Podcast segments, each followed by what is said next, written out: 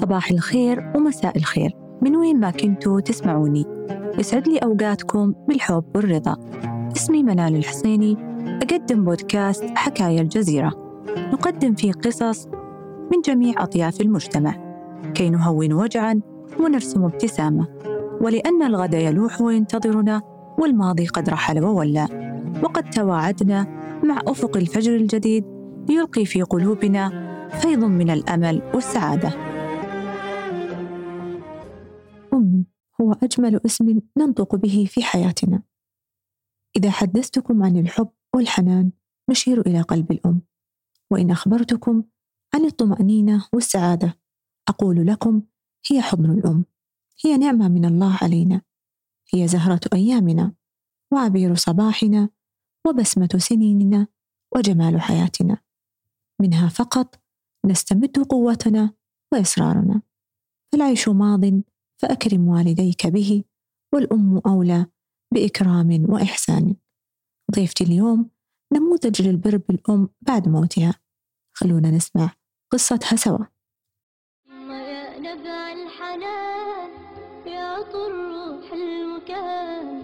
الغلا باقي زمان وانتي اغلى من العيون مشتاق الغلا السلام عليكم ورحمة الله وبركاته. معكم أختكم نورة بنت محمد الناجم. بدأت قصة رمق سارة بعد وفاة الوالدة الله يرحمها ويسكنها الفردوس الأعلى وجميع موتى المسلمين من أهل السنة والجماعة.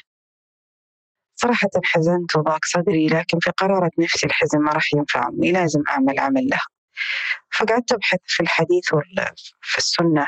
عن عمل يوصل للموتى بعد وفاتهم. لقيت حديث عن الرسول صلى الله عليه وسلم لما جاء أحد الصحابة قال أمي ماتت. قال الرسول صلى الله عليه وسلم عليك بسقيا الماء. انطلقت من هذا الحديث أسقي بشكل يومي عن أمي. أطلع من بيتي كل يوم وأوزع موية. مدة ستة شهور.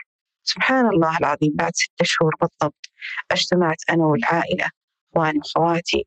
فكانت طفلة من الأطفال تسألني سؤال تقول لي خالة نورة أنت شو تسوين؟ قلت لها ليش حبيبتي؟ قالت لي ماما سارة جاية بالحلم وتعطي بنتك جوجو موية ليش تعطي جوجو ما تعطيني؟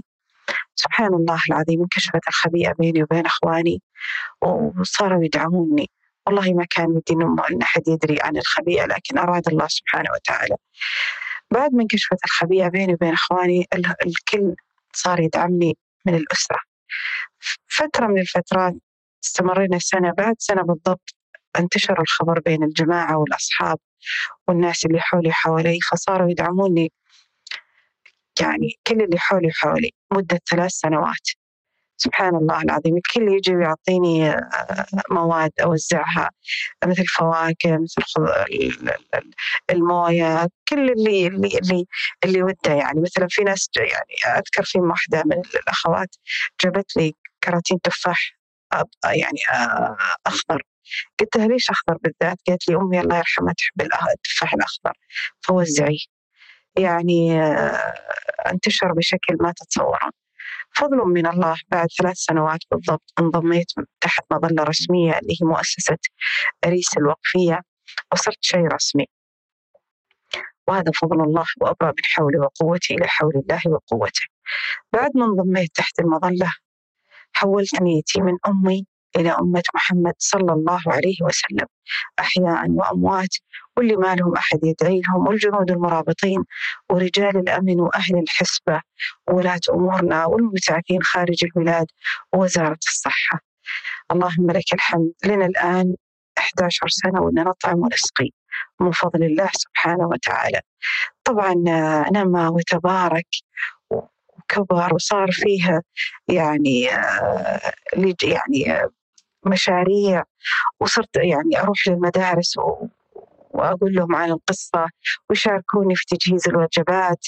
صار برنامج في المدارس وصرت أروح للسجون نفس الوضع وأتكلم عن مع السجينات ويجهزوا لي الوجبات وأطلع أوزعها أروح للجامعات. اللهم لك الحمد والشكر. يعني نما وتبارك من غير حول مني ولا قوة. صار بين شراكة مجتمعية في الجامعات والمدارس. إني مشتاق الغباك والغضا قلبي عطاك يما من سواك.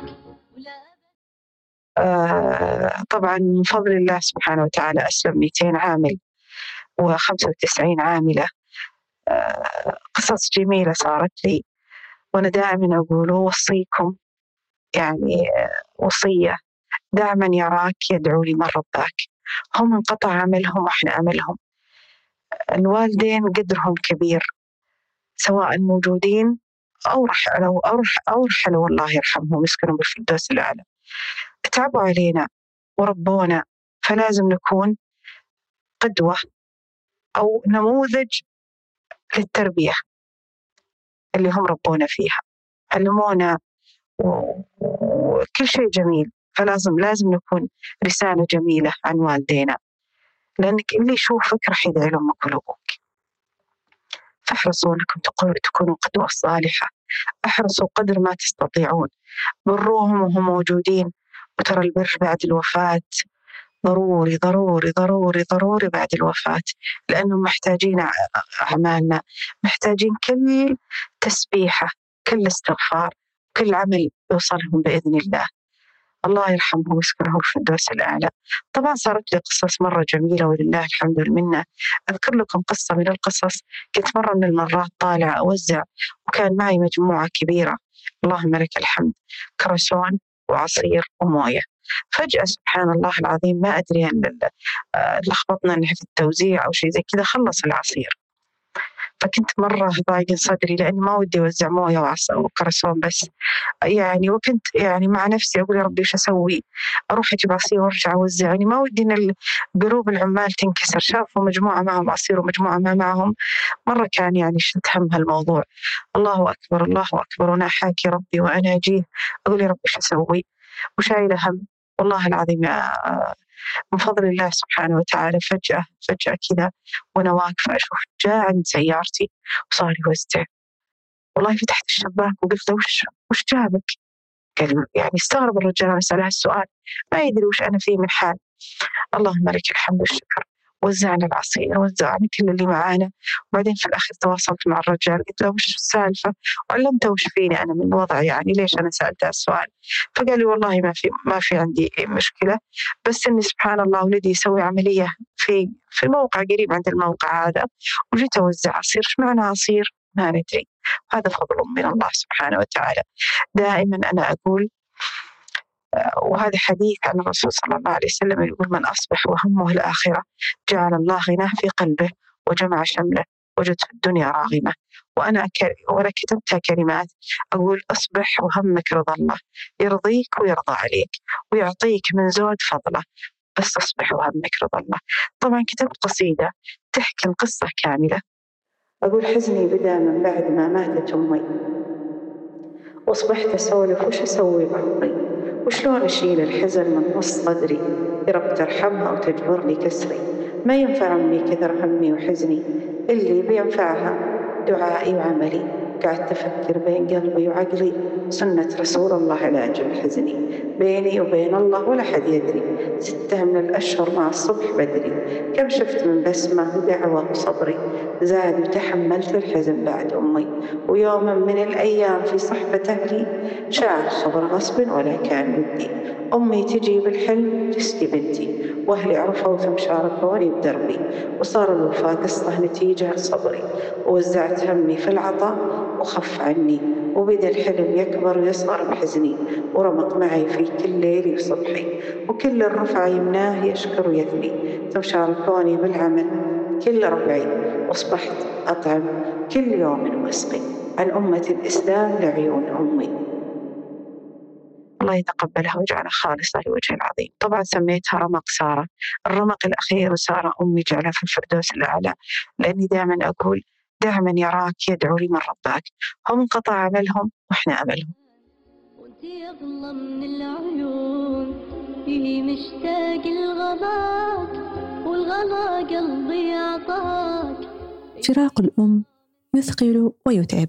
ولو أن البكاء يعيد غاليا لبكى من ظل يبحث عن أمه في خفايا ذاكرته الدهر كله. هي قطعة من الجنة. سيظل لسان كل فاقد لها يلهج باسمها وينادي ويدعو. ختاما يمكننا تحويل الأحداث المؤلمة إلى فرصة سعيدة للتعلم أو النمو. أو مساعدة الآخرين. نريد مساعدة بعضنا لأن الإنسان يحب الحياة ومن حوله سعداء لا تعساء ودمتم بود.